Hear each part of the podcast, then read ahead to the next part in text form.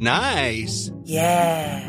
What you're hearing are the sounds of people everywhere putting on Bombas socks, underwear, and t-shirts made from absurdly soft materials that feel like plush clouds. Yeah, that plush. And the best part? For every item you purchase, Bombas donates another to someone facing homelessness. Bombas. Big comfort for everyone. Go to bombas.com slash ACAST and use code ACAST for 20% off your first purchase. That's bombas.com slash ACAST. Code ACAST. Here's a cool fact. A crocodile can't stick out its tongue. Another cool fact, you can get short-term health insurance for a month or just under a year in some states. United Healthcare short-term insurance plans are designed for people who are between jobs, coming off their parents' plan, or turning a side hustle into a full-time gig. Underwritten by Golden Rule Insurance Company, they offer flexible, budget-friendly coverage with access to a nationwide network of doctors and hospitals. Get more cool facts about United Healthcare short-term plans at uh1.com. Hey, it's Ryan Reynolds, and I'm here with Keith, co star of my upcoming film, If, only in theaters, May 17th. Do you want to tell people the big news? All right, I'll do. Sign up now and you'll get unlimited for $15 a month and six months of Paramount Plus Essential Plan on us. Mintmobile.com slash switch. Upfront payment of $45 equivalent to $15 per month. Unlimited over 40 gigabytes per month. Face lower speeds. Videos at 480p. Active Mint customers by 531.24 get six months of Paramount Plus Essential Plan. Auto renews after six months. Offer ends May 31st, 2024. Separate Paramount Plus registration required. Terms and conditions apply if rated PG. Och armén och marinen och de som representerar dem, de fick rapportera sina saker. Sen hoppade han över mig och sen så gick han till nästa som kom från armén. Eh, när vi stod liksom uppställda. Och då, ja, då kan man ju hantera det på olika sätt. Man kan Ja. antingen, jaha, okej då, då är jag väl tyst. Men det gjorde inte jag, utan jag räckte upp handen och sa, ja men jag då.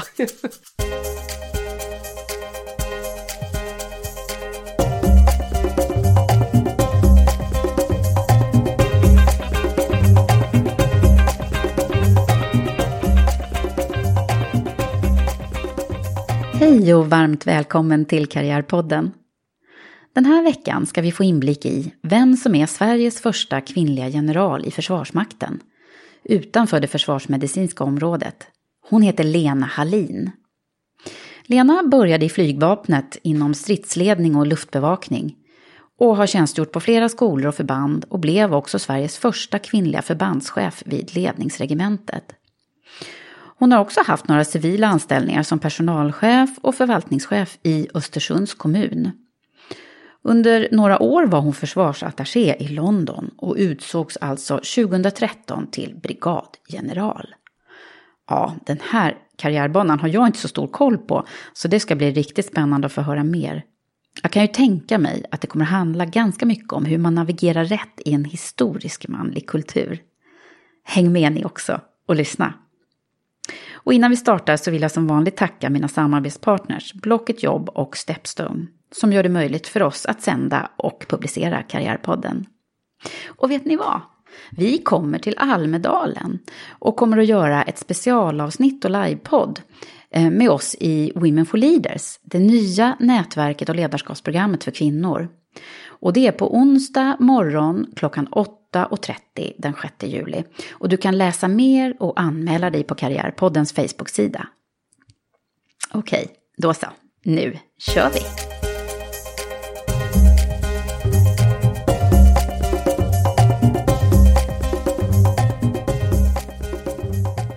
Välkommen Lena! Tackar. Hur mår du? Jag mår bara bra. Du, eh, jag är så, jag känner mig hedrad. Jag har liksom Sveriges enda kvinnliga general här idag i stolen. Nej, inte Inte riktigt. riktigt. Nej. Men den första. Ja, den första, men inte den enda. Utan Nej. nu är vi tre stycken och det är jätteroligt. Men du var först. Ja, jag var först. Jag var först som general helt militär. Det fanns en, eh, en läkare som var general också före mig inom medicinalkåren. Men utom, utanför medicinalkåren så är jag den första. Ja. Mm. Men nu är vi tre, så det är jätteroligt. Ja, det är roligt. Ja. du, det liksom kommer ett helt gäng efter dig hoppas Mm. vi. Vad, då, jag är ju sådär eh, väldigt nyfiken och undrar över hur, vad gör man då när man är general? Det beror ju alldeles på vad man har för typ av befattning naturligtvis. Men det är ju att jämföra med seniora befattningar i annan typer av verksamhet naturligtvis. Det som jag har gjort fram tills bara för någon vecka sedan här så har jag varit ledningssystemchef i Försvarsmakten. Och det innebär att ha ansvar för ja, alla våra ledningssystem, det vi använder i det dagliga. Våra radarstationer, vår frekvenshantering, vår kommunikation. de olika delarna. Så är det egentligen lite IT-chef? Ja, det kan man säga. Eh, lite så. Och, och, samtidigt ansvar för ett antal krigsförband då. Eh, och deras utveckling, utrustning, utbildning och eh, uppgifter som de har både nationellt och även de insatser som vi har gjort mm. internationellt i olika delar. Hur mycket folk är inblandat i, i din ja, brigad heter det då? Eller? Ja, det heter det inte utan jag har haft bataljoner, mm. ett antal bataljoner och eh, en del enheter som är lite mindre och som kallas för enheter som eh, har jobbat med ja, telekrigsförmåga bland annat och eh, ja, inom ledningsområdet. Eh, sambandsbataljon och så vidare. Och eh, ja, sammantaget om man slår ihop eh, hur mycket folk det kan vara så ja, det är ganska många, det är några tusen. Mm.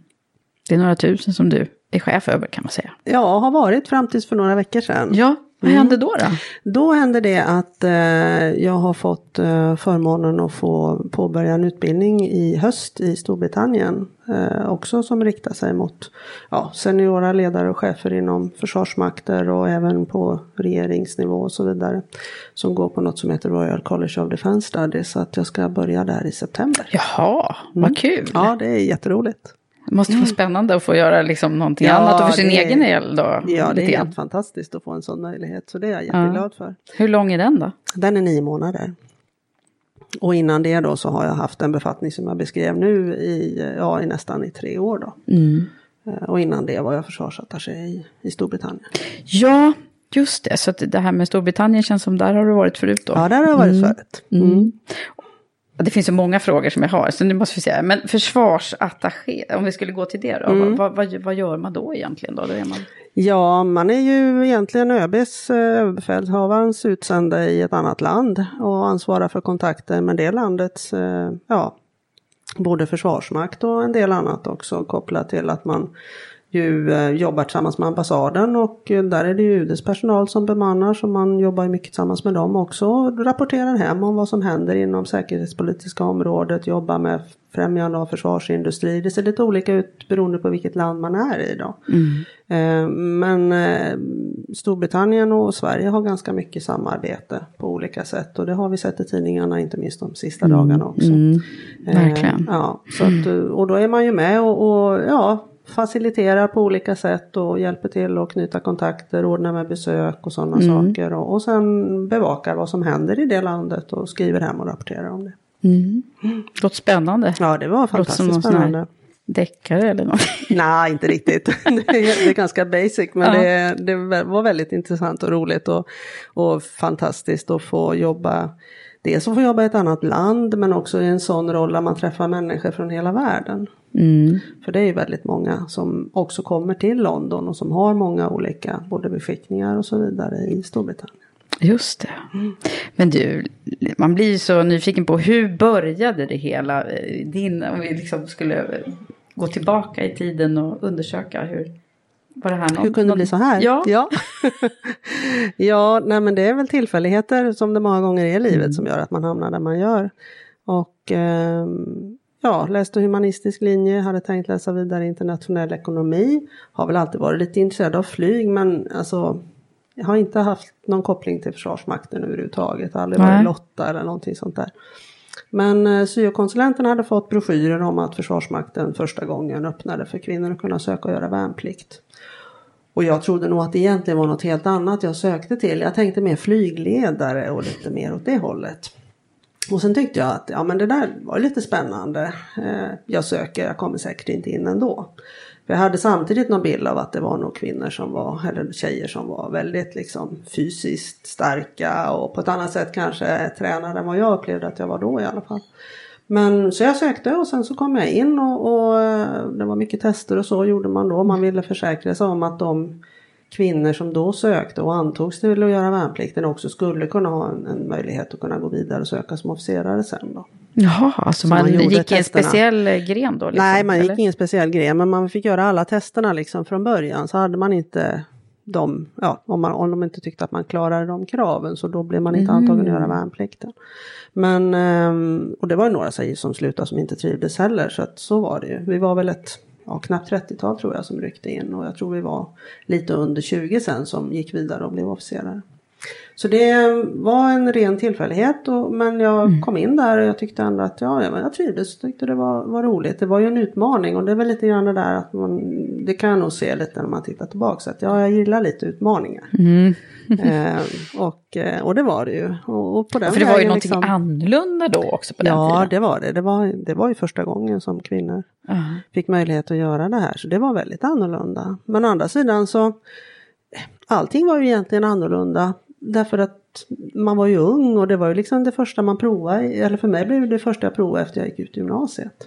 Så vad som helst hade ju egentligen varit nytt. Men Ja. det är klart att man hade inte så mycket kunskap överhuvudtaget. Man hade ju inte så många kvinnliga, hade ju inga kompisar så där man kunde prata så mycket med. Killarna i och för sig då men inte så, det fanns ju inte så många andra då. Men hur var det då att vara liksom sådär från början? Nu förstår jag att du har vant dig på många sätt att Mm. jobba i en manlig miljö. Ja, det var väl, det var, alltså det som var då, det var det mest att eh, det, var kring det här med praktiska eh, saker. Alltså, ja, vad skulle tjejerna duscha och så vidare. Första tre veckorna då var vi bara en pluton med tjejer. Eh, och vi ryckte in i Uppsala. Och sen efter det så blev vi fördelade beroende på vad vi hade för inriktningar. Jag var inom stridsledning och luftbevakning. Och eh, då kom vi till ett annat ställe, det var Tullinge utanför Stockholm. Och då blev vi också eh, i samma grupper, eh, samma pluton och kompani som killarna också då. Men det var mycket de här praktiska frågorna. Eh, mera det liksom, hur man löser olika sådana saker. Och det var väl det mest det var fokus på också. Annars så, ja, så var det lite press och media initialt. Men, men sen så tyckte jag att det, ja, det rullade väl på det mesta. Och det löste sig det mesta efterhand. Eh, på olika sätt. Men sen finns det vissa saker som fortfarande tog väldigt, eller har tagit väldigt lång tid eh, för Försvarsmakten att få till. Som till exempel uniformer. Eh, att, eh, ja, att det ska också kunna passa alla typer utav Just det. Ja. Men det måste ni väl ha fixat till nu, eller? Ja, nu Ja. har man väl fixat till det. Men Ja. det tog rätt lång tid. Och det här med mammauniform till exempel också tog jättelång tid. Det fanns inte när jag väntade mitt första barn, inte mitt andra och inte mitt tredje heller. Så vad, vad, hur gjorde man då? då? Fick man Ja, ha- då fick man ju... fixa till man fick lite. gå civil. Man kunde gå civil. Jag kunde göra det för jag hade inte direkt eh, sist den tiden med värnplikt att göra. Men alltså, då kan ju det vara okej. Men, men sen finns det ju, man kan ju gå i fältuniformen och den, är ju, kan man ju, den kan ju ha lite större storlekar. Men ja, sen så vill man ju se någorlunda snygg ut också. Ja. Men, eh, eller Men du, jag vill. intervjuade ju Kristina Forsberg i en, i en av podden, tidigare poddarna. Som, som var länspolismästare i Mm. Ja, Gävle. Och hon just det. berättar just om det här. Att eh, polisen låg ännu mer efter. Mm. Så att hon hade fått hjälp av militären för att få, få tag på den här. Ja. ja, nu finns det ju en mammauniform. Ja, just att, det. Men ja. så polisen härmade er i militären när det Ja. gällde just mammaskjorta. Ja, det. just det. ja, Alltså det kan gå olika långsamt. Men ja, nej men eh, som sagt var så att eh, sen tror jag inte man reflekterar så väldigt mycket över att det var eh, så annorlunda egentligen. Utan när man kommer in i ett yrke så kommer man in i det på något sätt. Och man, ja, man lär sig på olika sätt om hur det fungerar. Oavsett vad det är tror jag. Mm. Och så blir man lite formad då av den. Det blir man, absolut, man blir väldigt formad. Eh, samtidigt som jag, ehm, och det tycker jag mig ha kunnat sett även bland de som har kommit efter mig, att eh, lite grann det som jag själv då försökte göra var att jag försökte mera efterlikna det som jag tyckte då stämde med bilden som jag ändå hade utav militärer och det här lite hårda, tuffa. Eh, och det gjorde jag under kanske de första två åren tills jag upptäckte att jag mådde ganska dåligt av, jag mådde dåligt av någonting. Ja. Det var någonting som jag, det kändes inte bra. Vad var det? Och det var att jag var inte riktigt mig själv. Utan jag försökte vara alltså, hård och tuff på ett sånt sätt som jag på något sätt tyckte att killarna var. Eh, ett sätt förmodligen, eller i, i, eh, i syfte att ja, känna att om jag är lite mer lik dem, då blir det jag lättare att acceptera. Eh, men så är det oftast inte. Utan Nej. man blir ju mer accepterad om man är som sig själv. Om man är där man är. Eh, och det var en ganska, ja det var en rätt jobbig resa. Det var nog rätt jobbigt för min omgivning också tror jag. Eller de som blev drabbade av mig. Ja, just det. I den Ja. perioden. Eh, innan jag liksom kände, men det här är ju, så här är ju inte jag egentligen. Utan det är så här jag är. Eh, och jag är kanske inte den som alltid måste vara jättetuff hela tiden och så vidare. Nej. Var det någonting som fick dig att inse det här? Eller var det bara tiden som... Det var nog mycket tiden på något sätt. Men just att jag ja, jag kommer ihåg vi var, vi var på något eh, ställe, det var någon utbildning vi skulle ha och utbilda eh, nya värnpliktiga och eh, på kvällen där när vi satt eh, befälen då och, och ja, hade ätit middag och satt och pratade så det hade med mig en stickning. Eh, och det var det ju ingen annan som hade då. Eh, och jag satt upp på med den där och satt och stickade och vi satt och pratade och det var ju någon som kommenterade där. Att jaha, det var liksom lite udda och konstigt och sådär. Samtidigt som jag tyckte, ja men det är ju inget konstigt. Det var en sån där grej som kan man ju tycka, ja men det låter ju jättedumt. Men när man är 20, jag gick ifrån gymnasiet direkt till att göra värnplikten när jag var 21-22 Mm. år. Man är inte kanske sådär helt formad och klar över vem man är som Nej, människa. ändå nej. Nej, Ändå, precis. nej. Eh, och, eh, men då kände jag liksom, men det här, jag måste väl kunna göra det om jag tycker att det är okej. liksom. Mm. Om inte det passar in i din militära roll eller den bilden som du har då, som ja, något annat befäl av. Men det här är ju liksom, det här är ju, tycker jag är, Mm. ja.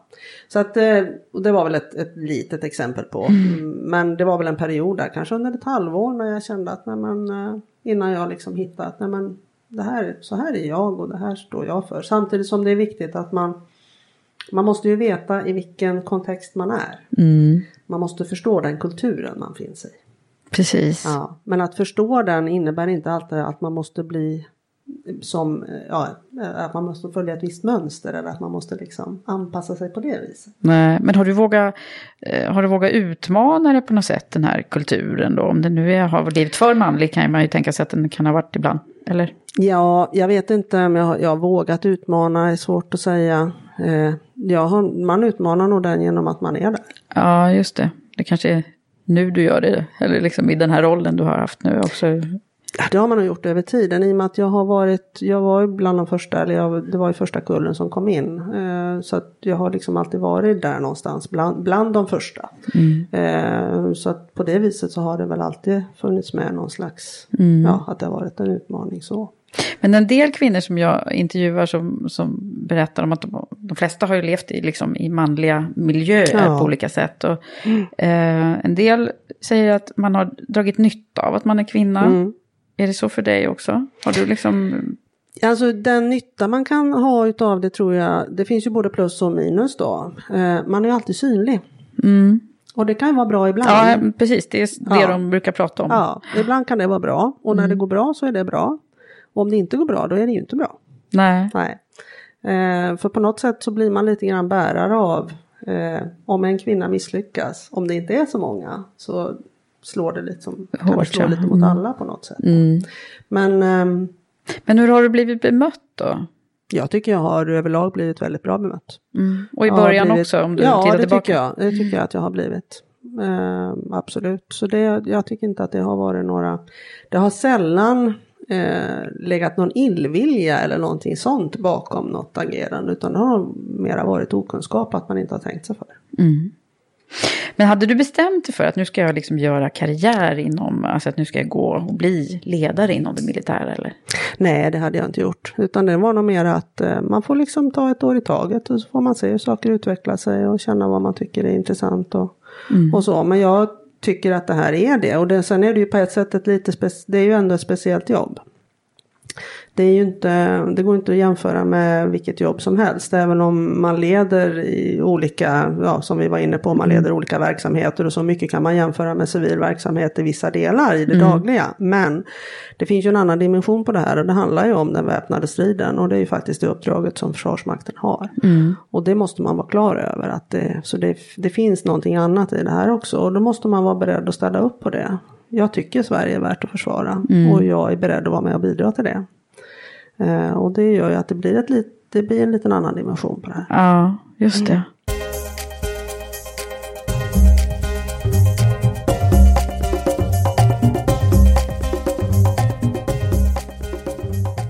Men du, hur, hur, hur kom det sig då att det blev en civil anställning under några år? Mm.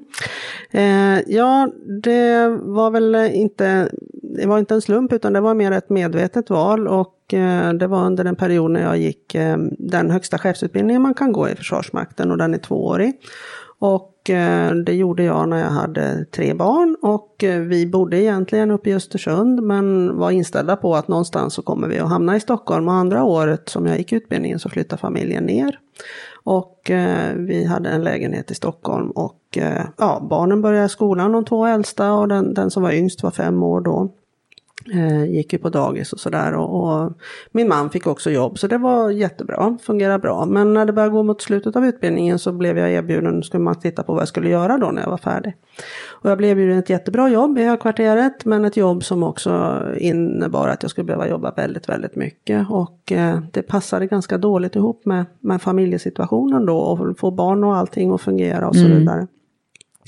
Och då eh, läste jag en söndag, satt jag med eh, DNs platsannonser och tittade, för då hade jag fört en dialog med min personalplanerare om att kunna kanske få göra någonting annat under ja, första ett år, ett eller två år som inte krävde att jag skulle jobba 180 procent utan ja, kunna få det mer att fungera med familjen. Men det var inte aktuellt att diskutera. Mm. För jag hade blivit erbjuden ett så bra jobb och då kan man inte liksom, man tackar inte nej till det. Nej. Lite så. Men, eh, och då kände jag att det här blir inget bra. Eh, och då läste jag DN och såg att man sökte en personalchef i Östersunds kommun och då sökte jag det jobbet och så mm. fick jag det. Hur var det då? Hur gammal var du då? Då var jag, vad kan jag ha varit då? då? Det där var 20, ja 99, då var jag 38. Uh-huh. Ja. Ehm, och då var det ju, då blev det också det här att fundera på vad är det som är riktigt viktigt i livet? Mm. Är det jobbet? Jag trivdes jättebra i Försvarsmakten så jag slutade ju inte, jag lämnade inte Försvarsmakten för att jag inte trivdes. Men jag fick inte ihop det med min familjesituation. Och hur än det är så var ju faktiskt mina barn och min familj, det var ju det viktigaste. Mm, det. Och då kände jag att det där blev en bättre lösning. Mm. Eh, för vi hade fortfarande kvar vårt hus för vi visste ju inte riktigt var jag skulle ta vägen någonstans. Så, att, så då flyttade vi tillbaka. Eh, och eh, ja, så jobbade jag ett år. Men samtidigt så var det ju så att jag inte då hade sökt mig någon annanstans för att jag inte trivdes i Försvarsmakten. Och det gjorde att jag gick tillbaks då till Ah, ja, så, så hur många år blev det? I... Det blev ett år där. Ah. Sen jobbade jag i, eh, kom jag tillbaka och det var då inte helt odelat positivt att ha jobbat utanför Försvarsmakten och komma tillbaka till Nähä. Försvarsmakten. Ja, då är man lite svikare sådär då? Ja, eller? lite så kändes det som då. Eh, det har blivit helt annorlunda nu, det är en helt annan inställning idag. Men då var det lite så att eh, Annars kan man tänka sig att det är bra med lite perspektiv. Liksom, ja, och vi pratar väldigt mycket om i Försvarsmakten då att det skulle vara bra med perspektiv. Men i verkligheten så blev det inte riktigt så. Mm. Eh, utan det var, eh, det var lite knepigt att komma tillbaks faktiskt. Det det. Men vad tyckte du om att vara liksom personalchef i en kommun då? Jag tyckte det var jätte, jo men det var ju också otroligt eh, spännande och intressant på olika sätt. Och då kan man ju fundera på, finns det några likheter då att jobba ja. i en kommun eller jobba i Försvarsmakten? Och, och som jag sa, det här Försvarsmakten är ju, har ju lite speciellt uppdrag då. Men det som jag hittar likheter med det handlar ju om någonstans alltså nyttan för samhället på något sätt. Liksom att jobba med det som är för det gemensamma. Och det är nog där jag hittar någon slags, mm. att det finns någonting som gör att det hänger ihop. För det är mm. någonting som jag som någon känner att det, det är någon drivkraft mm. som jag har. Mm. Så där finns det ju lite likheter. Mm. Då är det det som, för, du, för nu har jag ju också en liten önskan av att vi försöker forska i vem, vem du var från allra första början. Mm.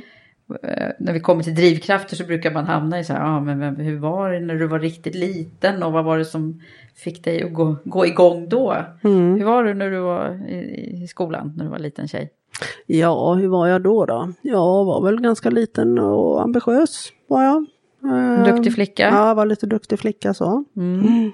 Jag var väl inte pappas duktiga flicka, men Nej. jag var lite duktig flicka. Och sen var det väl lite grann att, eh, ja det var väl det som premierades på något sätt också. Mm. Så att, eh, så så var det väl. Eh, och pluggade ganska mycket. Men hur är du uppvuxen? Jag är uppvuxen eh, utanför Göteborg, jag är enda barnet. Eh, och och eh, bodde först inne i Göteborg tills jag var sju år och sen flyttade vi ut och sen gick jag i skola där ute och i gymnasiet och så vidare. Då. Mm. Och uppvuxen på landet kan man väl säga då. Ah, ja. Mm. Mm. Vad gjorde mamma? Och... Mamma var hemmafru um, och jobbade lite deltid och då jobbade hon i livsmedelsaffär. Och eh, pappa han hade eget företag och var instrumentmakare hette det då. Mm. Lagade klockor och tryckluftsmätare och lite olika saker. Eh, och eh, sedan så fick han anställning på Sahlgrenska sjukhuset och jobbade där också som ja, mekaniker och låsmed. Mm. Så det är ingen av dem som... Finns Stod de som- lite förvånade där när du valde det här spåret då? Eller? Ja, min pappa var nog väldigt förvånad. Han var inte speciellt glad heller. Han tyckte jag skulle jobba på bank. Okej. Liksom- Tjäna pengar, Ja, eller vad? alltså det var liksom bank. Det var, ja.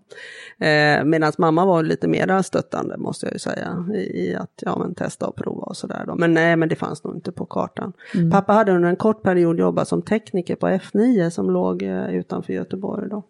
Men det var ju liksom ingenting som vi hade pratat någonting om eller som hade någon, nej. Nej, det- så det är inte det som är någon koppling. Nej, man, finns man ingen letar lite så här efter, det måste ha varit någonting Nej, i din... ingen men det koppling finns, alls, Det är bara slump. Mm. det var bara slumpen. Ja.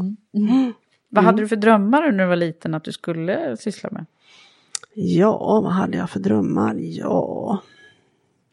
Jag ville jobba utomlands, det hade jag någon dröm om att jag ville göra. Men med riktigt vad hade jag nog inte klart för mig. Jag hade ingen känsla av att jag skulle vilja jobba inom sjukvård eller någonting sånt där. Men, men ja, lite ekonomi, lite utomlands, någonting sånt. Det var väl därför jag tänkte internationell ekonomi när jag sökte till gymnasium. Jag hade ingen riktigt klar bild egentligen. Jag gjorde jag jobbade, sommarjobbade, en, det var år, sista året också på gymnasiet på, eh, på Polismyndigheten i Göteborg. Eh, där man då hanterade person, eh, vad heter det? Det heter personbevis. Ah, ja, Ja. Eh, så där jobbade jag en sommar och då frågade de om inte jag skulle söka in till Polishögskolan. Eh, men det gjorde jag inte. Utan jag valde istället att göra lumpen. då. ja. Aha. Men jag har liksom inte, inte att det finns Men någon det där liksom... är väl lustigt, alltså jag vet att jag, jag ville, när jag var liten så fick jag för mig att jag ville bli inredningsarkitekt. Mm. Därför, och det fanns ingen som helst liksom, koppling till mig som person. Men det var så att det var min mammas dröm. Så hon hade liksom pratat om det. Så att ibland är det ju så här att det. Ja, det det är någon något vis. annan som Ja. spelar in liksom, i tillvaron. Eller någon annans dröm. Ja. Rent av. Ja. Nu blev jag ju inte det. Nej. Så det var väl tur det. Men jag, jag pryade faktiskt om det. Och, det var, och då konstaterade jag att jag ska inte bli det. Nej. För man skulle nej, vara så jättenoggrann. Liksom. Ja. Det var inte alls jag. Liksom. Jag ville rita såna här blomstergrejer istället. Ja. Ja, ja. Ja, nej men så det finns inga liksom, nej. Nej. det var nog bara slumpen som gjorde och sen att jag trivdes bra då och som sagt jag har trivts bra hela tiden. Sen har det väl varit ups and downs precis som det är i alla yrken tror jag. Ja. Mm. ja, så är det. Och när har du haft dina apps? om vi pratar om, om det som har, när har det varit som allra bäst? Eh, när det har varit som allra bäst tycker jag det är när man, eh, när man, eh, att få jobba med andra människor. Att få jobba genom och med andra tycker jag är det roligaste. Eh, och ehm, när, man, när man gör saker, när man uppnår saker tillsammans och när man känner att man har haft en del i det, att man har haft någon idé, att man har drivit något arbete, att man ser ett resultat, att det här har vi faktiskt åstadkommit. Eh, det här har vi liksom lyckats med. Eh, och att man har gjort det tillsammans. Eh, och likadant när man känner att man på något sätt har kunnat varit med och utvecklat en annan person. Och känt att ja, men det här har blivit, ja, man har haft någon liten del i, i det. Det tycker jag är, det är de roligaste. Så då är det det här med humanisten och sen personalchef. Ja, det får, vi, lite får vi lite ihop det här. Ja, det det går handlar lite om ihop. människor. Då. Ja. Mm. ja, för det tycker jag. För det var väl liksom det som var det här jobbet som försvarsattaché som ju var fantastiskt roligt eh, på många olika sätt. Men det var ju också ganska mycket ett ensamarbete. Även om man jobbar tillsammans med många andra så, så jobbar man inte alls i ett team på det sättet. Nej. Eh, och det kan jag känna att det, det är någonting jag tycker är roligt. Jag tycker det är roligt att jobba med människor. Mm, mm.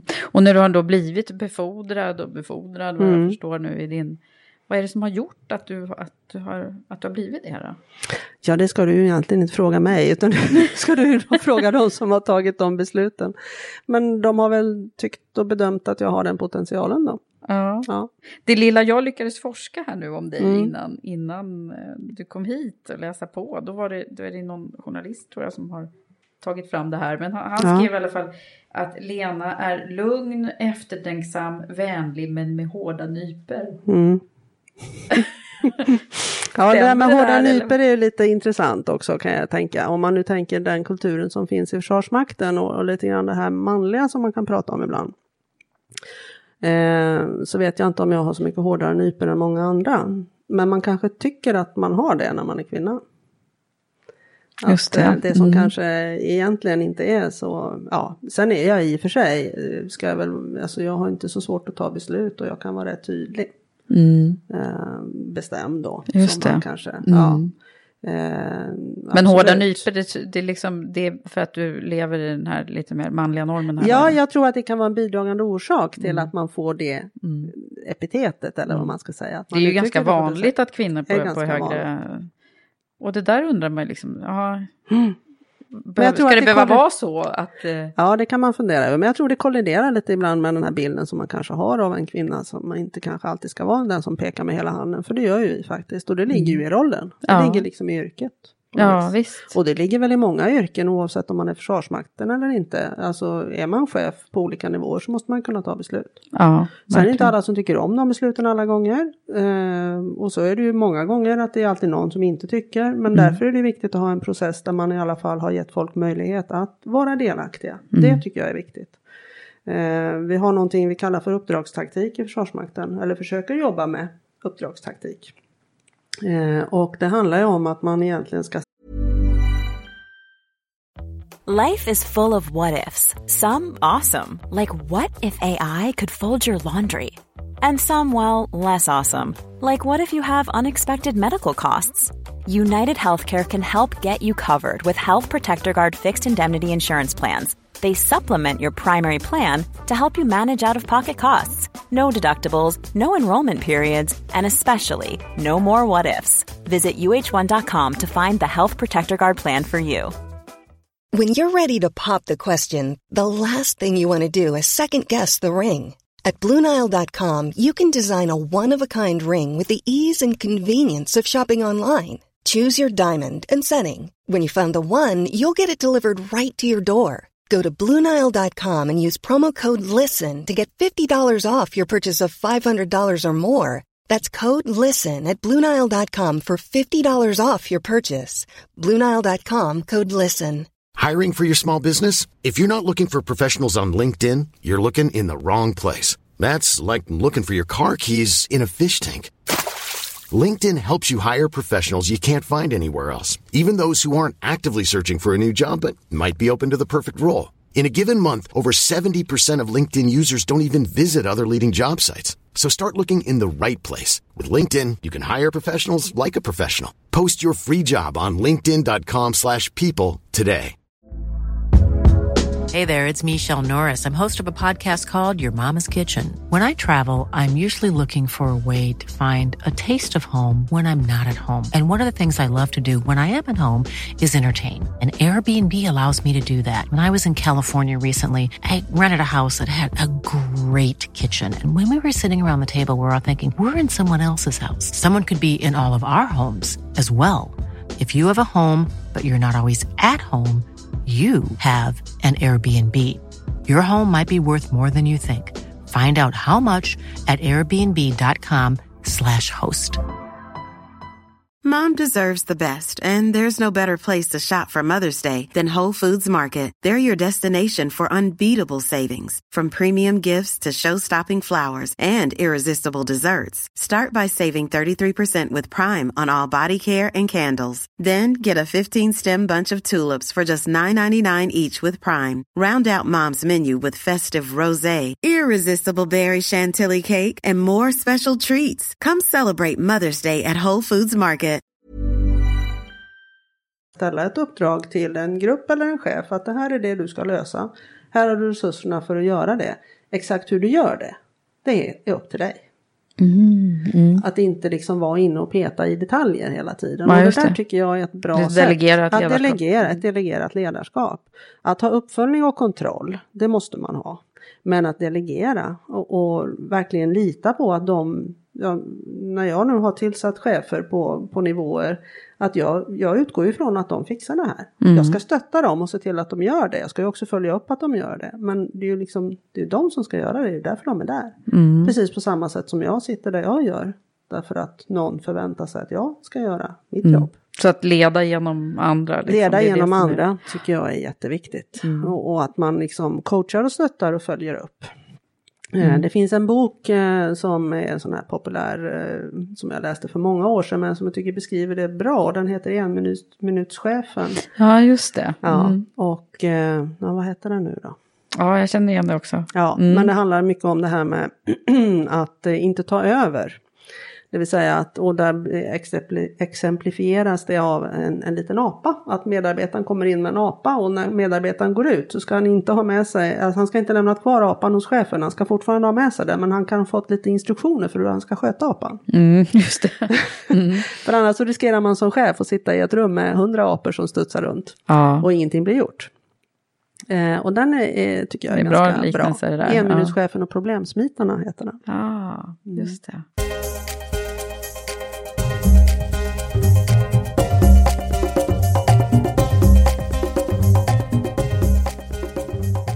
Men du, om, man, om man, vi ska stanna kvar vid det här med, med ups and downs. För jag tänker, mm. hur... hur, hur mm, ups var vi inne på. Ja, ja just det.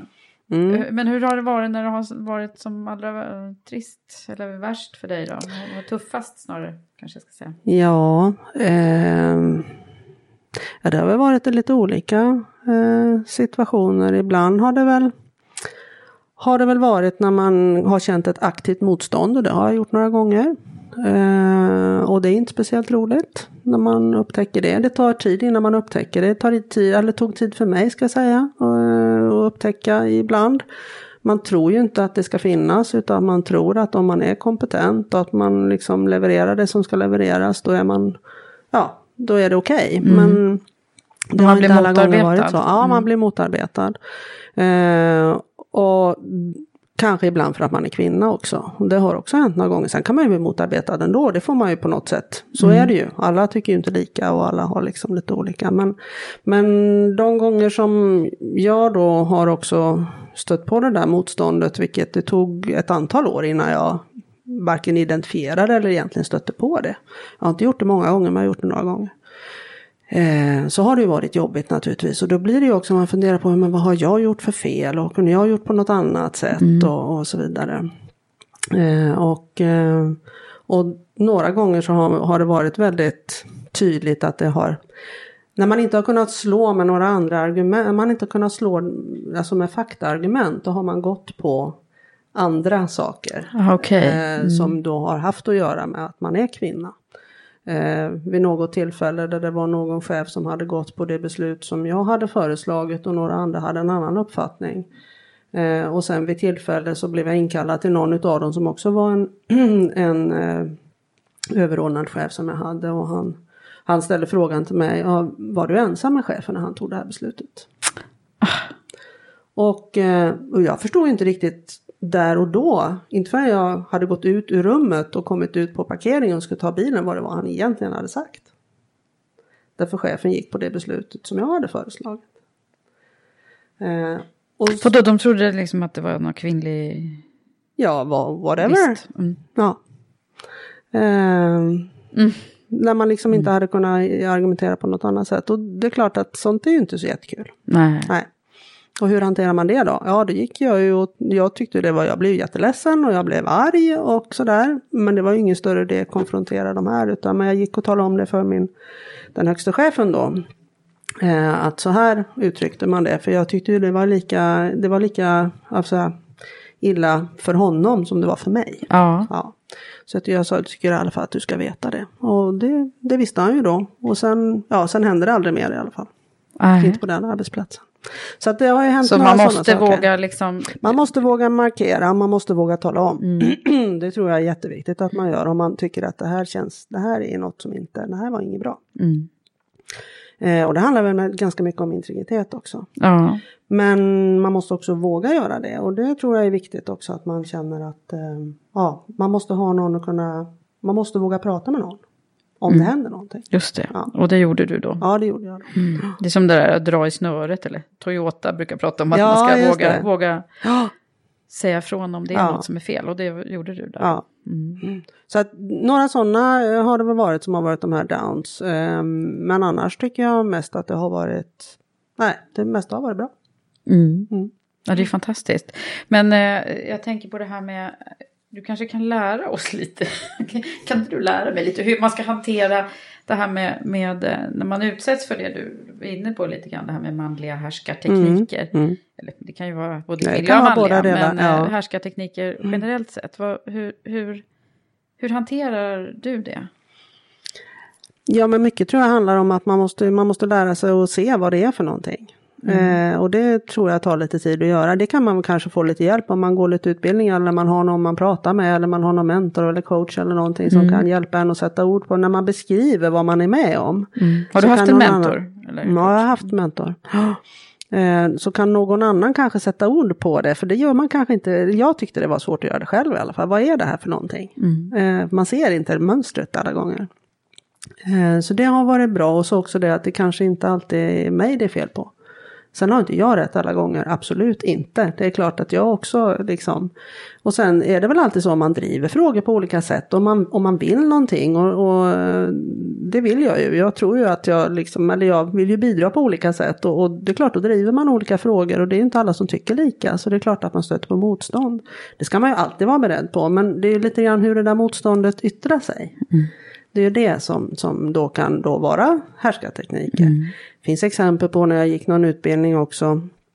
Eh, nu är ju det här många år sedan ska vi ju komma ihåg. Eh, och mycket har hänt i Försvarsmakten sedan dess. Vi har jobbat väldigt mycket med både värdegrund och, och jämställdhetsfrågor. Så mycket har hänt.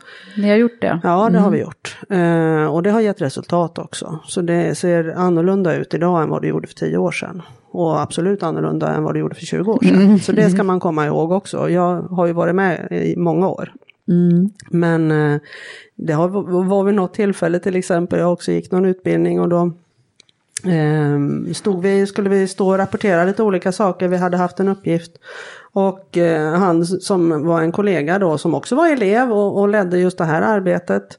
Han, ja, så gick, det var armén, marinen, flygvapnet och armén, marinen, flygvapnet. Jag var nog den enda från flygvapnet då. Och armén och marinen och de som representerade dem, de fick rapportera sina saker. Och sen hoppade han över mig och sen så gick han till nästa som kom från armén. Eh, när vi stod liksom uppställda. Och då, ja, då kan man ju hantera det på olika sätt. Man kan Ja. antingen, jaha, okej då, då är jag väl tyst. Men det gjorde ju inte jag, utan jag räckte upp handen och sa, ja men jag då.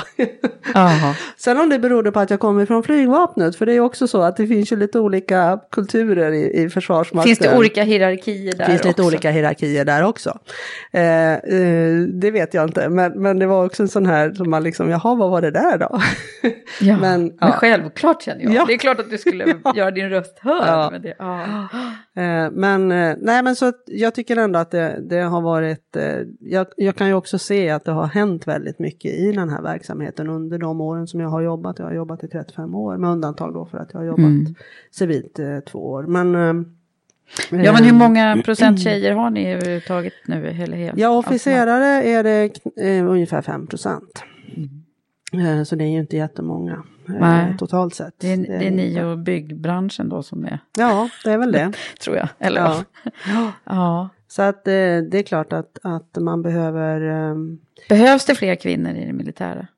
Ja, jag tycker det behövs framförallt behövs det att använda sig av hela rekryteringsbasen. Vi behöver ha de bästa och då behöver vi rekrytera hela befolkningen. Och det skulle förvåna mig om det inte finns mer än 5 procent eh, som också representerar eh, de som är bland de bästa. Men jag Så tänker det måste behöver vi, Och det behöver vi också för att, det ska spegla hela samhället. Vi behöver både män och kvinnor, vi behöver folk med olika etnisk bakgrund. Vi behöver liksom ha den mixen som samhället består utav. Det tycker jag är jätteviktigt. Och Jag tänker, förut så var det ju så naturligt då, rekryteringsbasen, alla killar gjorde lumpen Mm. obligatoriskt. Och nu eh, så är det ju inte så. Nej, nu är det inte så. Eh, Så det, det är klart att det, man kan ju förstå att det var annorlunda förr. Ja. När det, när det, På det viset kan man ju säga att det har blivit mera jämlikt nu då. För nu kan ju killar och tjejer söka på samma villkor. ja. Gör de det? Eller är det, ser det, alltså jag tänker Det på är, här, mycket, det är mycket mer tjejer idag och kvinnor som söker än vad det relativt sett har varit. Nu finns ju möjligheten på ett annat sätt och jag tycker också att man ser att intresset ökar. Eh, Så det kommer in fler och fler. Eh, Sen gäller det att behålla dem. För sen eh, det som jag tror vi måste lägga mer fokus på just när det gäller kvinnor det är också de som, som är i åldrarna när man börjar på att bilda familj. Och när man kanske ska gå de utbildningarna som är lite längre och som sen innebär att Ja, du får huvudsakligen jobba i Stockholm. Alla bor ju faktiskt inte i Stockholm. Vi har ju fortfarande lite verksamhet kvar Mm, ute i landet. Eh, och, och vad, kraven som det ställer på olika sätt. Och, och jag tror ibland också att vi behöver bli bättre på att också coacha kvinnorna. Eh, och liksom lyfta och se dem lite mer. Mm. Eh, eh, det tror jag. Men, blir, eh, blir, blir, eh, behandlar man liksom kvinnorna annorlunda när de kommer in nu? Än, än när du blev... Nå, jo det gör man ju förmodligen på det viset att jag tror att man, man mm, ja, det, det blir mer en naturlig del än vad det var då. Mm. Och i och med att det blir det så, så blir det ju mera lika också. Vilket ju är bra. Sen ska man också komma ihåg, vilket jag i grunden tycker är positivt, att om man jämför svenska försvarsmakten med många andra så har ställer vi precis samma krav på killar och tjejer. På fysiska krav och andra krav som vi ställer. Och eh, det gör också att, att eh, det är inte alla, alltså rent fysiskt, eh, alla som, som klarar av det. Ehm, och där är vi kopplat till vilka befattningar man ska ha så ställer vi samma krav på tjejer och killar och det tycker jag är helt rätt. Ja, ja men det är det Ja. ju. Så då blir det ju liksom inget Nej. balansfel där. Nej. Gör polisen likadant? Jag ska inte säga, jag är inte hundra säker, Nej. men jag tror det. Men jag är inte hundra säker. Ja, nej. Jag, ska, jag ska faktiskt intervjua någon polis här framöver också. Och kolla det. Polischef. Men jag vet inte. Precis. Men Mm. du, eh, ja, jag ska se om jag, jag känner så här, jag skulle vilja ha syn på, om man skulle fråga någon av dina närmsta medarbetare så där, eh, vem, vem är Lena? Mm. Vad skulle de säga? Skulle de säga det här som den här journalisten sa? Ja, det skulle de nog göra. Mm. Ja, ungefär så tror jag de skulle säga. De skulle nog inte säga hårda nypor, kanske inte. De skulle, men de skulle nog säga bestämd och tydlig skulle de säga. Det tror jag.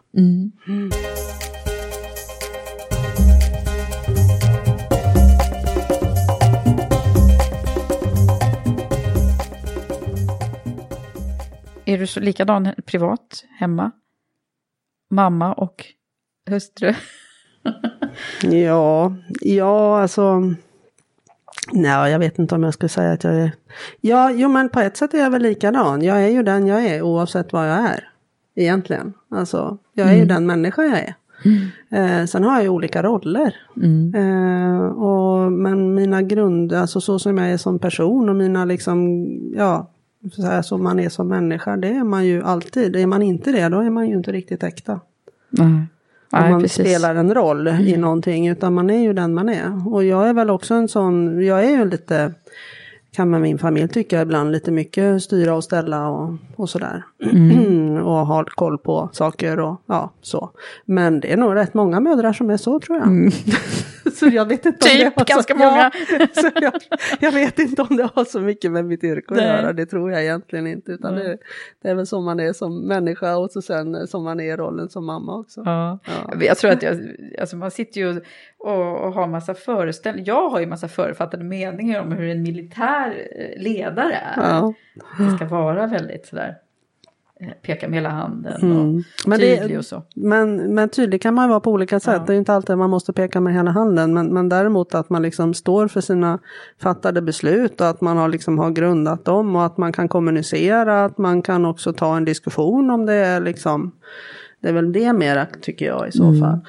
Eh, Och det, det som finns så mycket, jag som har jobbat med ledarskap, Mm. jag menar det som eh, många känner till som UGL, det kommer Mm. ju från det Ja. militära, de här bra ledarskapsutbildningarna som, som vi även har anammat i privata näringslivet sedan många år tillbaka. Så Ja. det, det är klart att det finns jättemycket bra saker som vi har att lära av det här tydliga ledarskapet som, som du Ja, men det, det tror jag att det gör. Samtidigt som det finns mycket, alltså, det ska ju vara liksom, man måste ju också sätta ett ledarskap i sitt sammanhang. Men jag tror att det väldigt mycket handlar också om att, att man i en, en situation som inte är på liv och död, så måste man också genom bland annat det här med att delegera förtroende, uppgifter och så vidare, så skapar man ett förtroende för varandra. Om man har det förtroendet för varandra, då kan det också i en väldigt skarp situation fungera med att någon, att chefen faktiskt ger order. Mm. Därför att då har du... du Då har vet man vad som förtroende- gäller, Du liksom. vet, vad- ja, då vet du vad som gäller. Du har förtroende för din chef. Och chefen har förtroende för dig. Så att eh, man bygger ju det här eh, på något sätt genom ett ömsesidigt förtroende. För det spelar ju ingen roll om du är chef och pekar med hela handen. Om de som du pekar på inte vill följa dig. Nej, precis. För chef kan du ju vara, men ledare det, det är ju någonting du blir. Mm. När de som du är ledare för väljer att betrakta dig som sin ledare. Mm. Men de här ledaregenskaperna då, hade du dem redan som liten tror du? Det vet jag inte, kanske... Svårt att säga, jag kan inte riktigt se det egentligen. Det kanske jag hade, men, men jag hade inte speciellt mycket kompisar sådär och, och hade lite jobbigt i skolan någon period och, och, så. Så att nej, jag kan jag väl inte se direkt. Däremot så var jag rätt självständig. Mm. Det var jag. Och gick din egen väg? Ja, gick mm. lite min egen väg. Mm. Så att uh, det är mera, men just det här med ledaregenskaper och så, nej det kan jag inte direkt säga. att Det var något tydligt, som, inte som jag kan. Nej. Nej, men uppenbarligen dokumenterat nu. Ja, någonting. Ja, ja. just det. det. Vi kommer till den här, eh, eh, vi brukar ju försöka ringa in lite olika tips och råd och sådär som, som du kan passa på att skicka med här mm. nu. Jag tänker på, det sitter många som kanske, kanske ja, en del har inte bestämt sig vad de vill bli. Mm. Eller också som har kommit på sniskan i karriären och, och vill hitta, hitta någon ny väg. Mm. Ja, nej men, eh, ja, alltså jag tycker Försvarsmakten är en fantastisk eh, arbetsplats på många olika sätt. Men också därför att jag tycker att det är viktigt det vi gör. Mm. Alltså, och, och, det är väl så med all, all, alla olika yrken att man, man måste tycka att det är, man måste brinna för det man håller på med. Man måste vara jätteintresserad, man måste tycka att det här är roligt. Mm. Eh, men, men i det här fallet så tror jag att man, ja det måste man verkligen man måste förstå vad det innebär och man måste tycka att det här är viktigt. Mm. Uh, och jag tycker det och det finns otroligt stora möjligheter på många olika sätt. Det, uh, alltså, både att få jobba med, med människor, få uppleva saker, få göra viktiga insatser och så vidare eh, på olika sätt. Så att det finns, och det finns ju en bredd på områden man kan jobba med i Försvarsmakten. Jag som har jobbat inom ledningsområdet eh, huvudsakligen, jobbat med stridsledning och luftbevakning i flygvapnet. Eh, inom armén finns det jättemånga olika utbildningar och inriktningar och det finns tekniska inriktningar och mm. flygledare och ja, alltså, ja. det finns meteorologer, det, det finns hur mycket som helst. Egen liten liten värld. Liksom. Ja, och mm. även då inom IT då mm. eh, finns det också väldigt mycket. Så att mm. det finns eh, otroligt. Eh, så Försvarsmakten är ju en, en fantastisk, eh, ja, en fantastisk arbetsgivare på många olika sätt och, och med viktiga uppdrag. Mm. Men sen det här med, jag var inne lite grann på det här med ja, ups and downs och lite grann hur det var i, i min resa också det här med att komma in till en, en värld som kanske inte jag kände speciellt väl, eh, den militära. För det mm. gjorde jag ju absolut inte. Och någonting som jag tror är, är, viktigt också då när man, oavsett var man är någonstans, det är att man, man lär känna den kulturen där man ska vara. Att man förstår den, att man förstår hur det fungerar. Mm. Hur en organisation att fungerar. Man kommer in och, ja, att man kommer liksom, in och förstår mm. den. För man, för man måste förstå den för att kunna manövrera för att kunna vara, eller manövrera är fel uttryck, men för att kunna vara i den och för att kunna få, få liksom jobba i den så mm. måste man förstå den. Man måste också förstå när man bryter mot om man nu gör det, mm. så måste man förstå att man gör det. Ja, just det. Eh, så det tror jag är mm. jätteviktigt. Så att vadå, liksom, gräv dig ner i en, i en och samma kultur eller område? Ja, lär dig att förstå vad det är för någonting. För mm. det finns ju kulturer i alla. Det finns inom banker, det finns inom försäkring, det finns inom landstingsvärlden. Alltså det finns alla mm. olika kulturer och sätt att jobba på. Mm. Eh, och det såg jag ju också väldigt tydligt när jag jobbade civilt. Där var det en annan Mm. Ett annat sätt, men, men ändå väldigt mycket gemensamma saker och gemensamt sätt att se på ledarskap och så vidare. Mm. Eh, för människorna är ju de samma. Ja, människor, att leda människor, det skiljer ju egentligen inte vilken verksamhet man är Nej. Men just det här med att lära känna kulturen tror jag är viktigt. Så, dina, tror, så dina bästa tips och råd, hur, hur lyder de? Då? Det är att lära känna kulturen när man jobbar. Ja, mm. och sen att man eh, också eh, har någon som tror på en.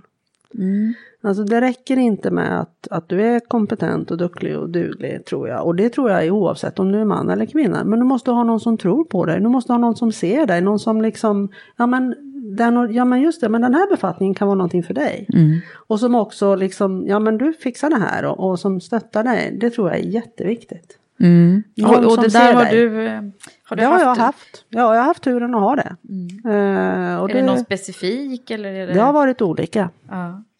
Olika på olika nivåer där jag har varit. Ja. så har jag haft det. Har du, har du frågat dem eller har det bara blivit så? Eller? Det har bara blivit så. Det har bara blivit så. Men jag, när jag tittar tillbaka så har jag ju sett att det, jag har ju haft det. Mm. Och det är också i, i vissa fall de personerna som jag har kunnat gått när jag har tyckt att någonting inte har stämt eller att det har varit någonting som jag har velat prata om. Så har jag kunnat ta det steget och göra det. Eh, För jag har känt att det här är någon som jag känner förtroende för. För det är ju det det handlar om. Ja, det Ja. där är många som pratar om att man behöver liksom en promotor Mm, det behöver man. någonstans. Ja. Mm. Ja. Så att det är väl ett annat sånt eh, tips. Mm. Eller ja, att det är viktigt. Sen att man, eh, man skaffar sig en bra chef. Just det. Och det är Det ju ska lätt man att också säga. skaffa Men, sig. ja, Ja. det ska man också göra.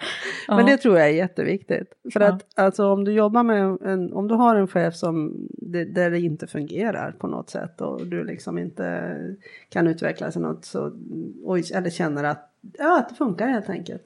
Då blir det inget bra. Och du kan sällan byta ut chefen utan då får du nog fundera på att göra någonting Mm. annat. Så välj din chef. Det, det, det, Ja, det, välj din chef.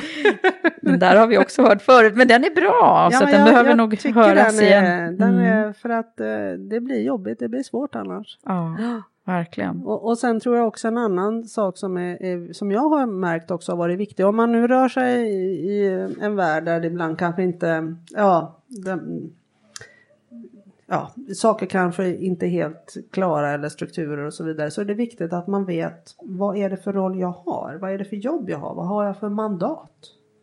Så man vet inom vad man kan röra sig.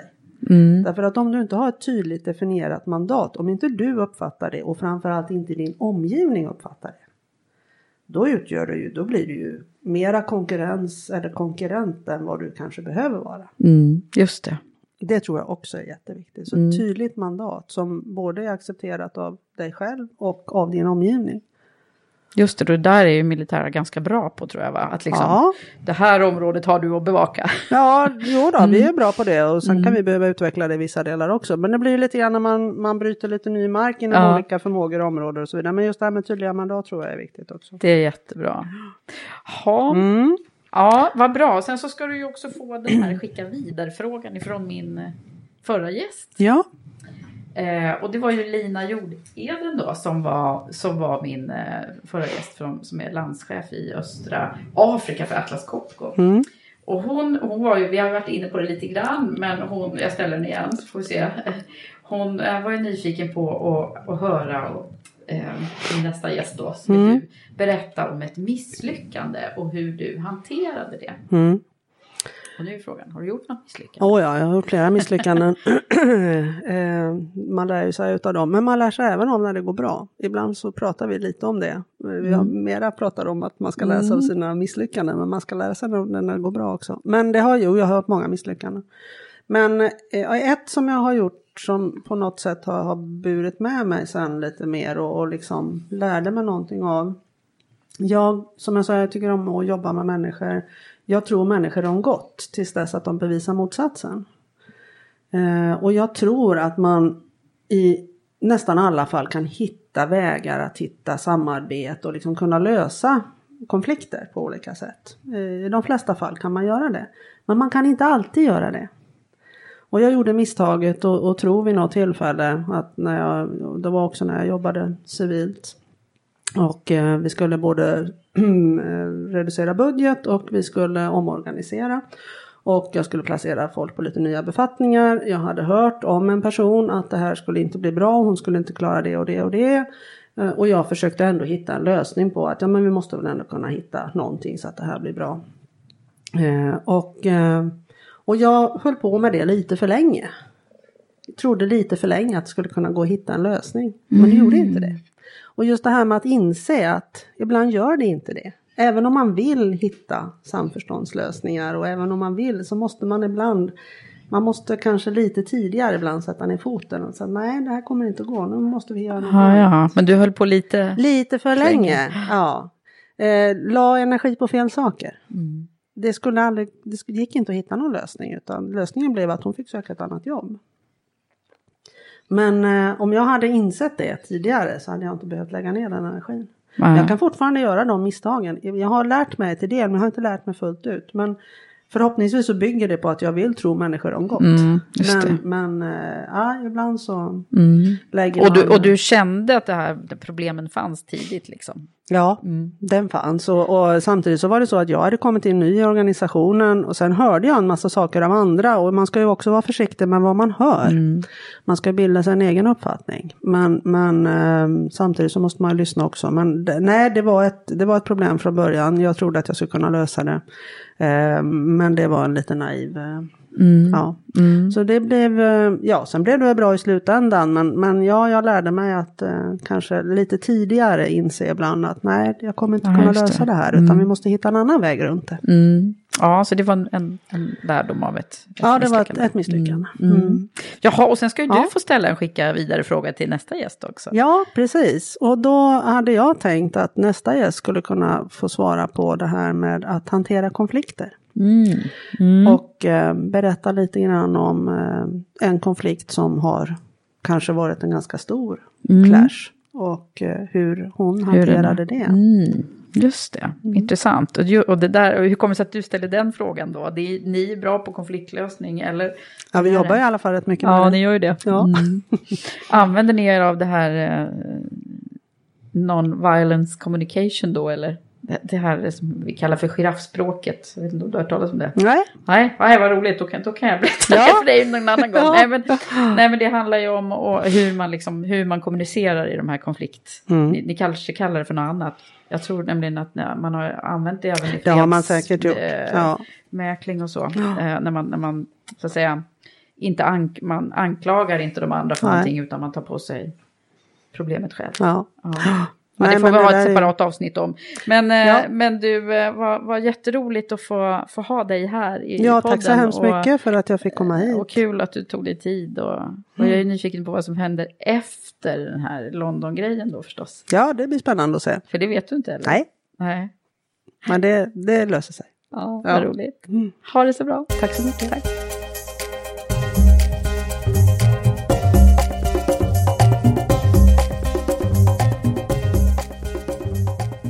Och fantastiskt intressant det är att höra hur det har gått till.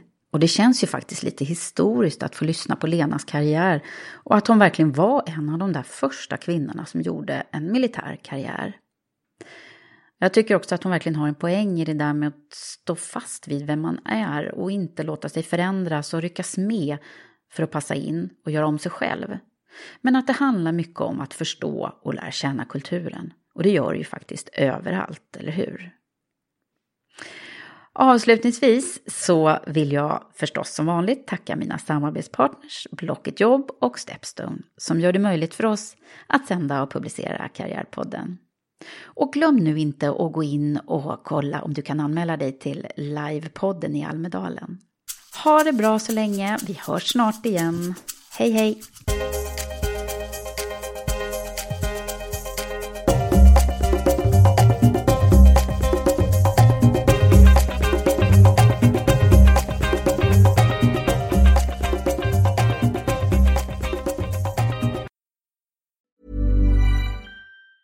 Hi, I'm Daniel, founder of Pretty Litter. Did you know cats tend to hide symptoms of sickness and pain? I learned this the hard way after losing my cat, Gingy. So I created Pretty Litter, a health monitoring litter that helps detect early signs of illness by changing colors, saving you money and potentially your cat's life. Pretty Litter is veterinarian developed, and it's the easiest way to keep tabs on your fur baby's health right at home. Go to prettylitter.com and use code ACAST for 20% off your first order and a free cat toy. Terms and conditions apply. See site for details. Planning for your next trip?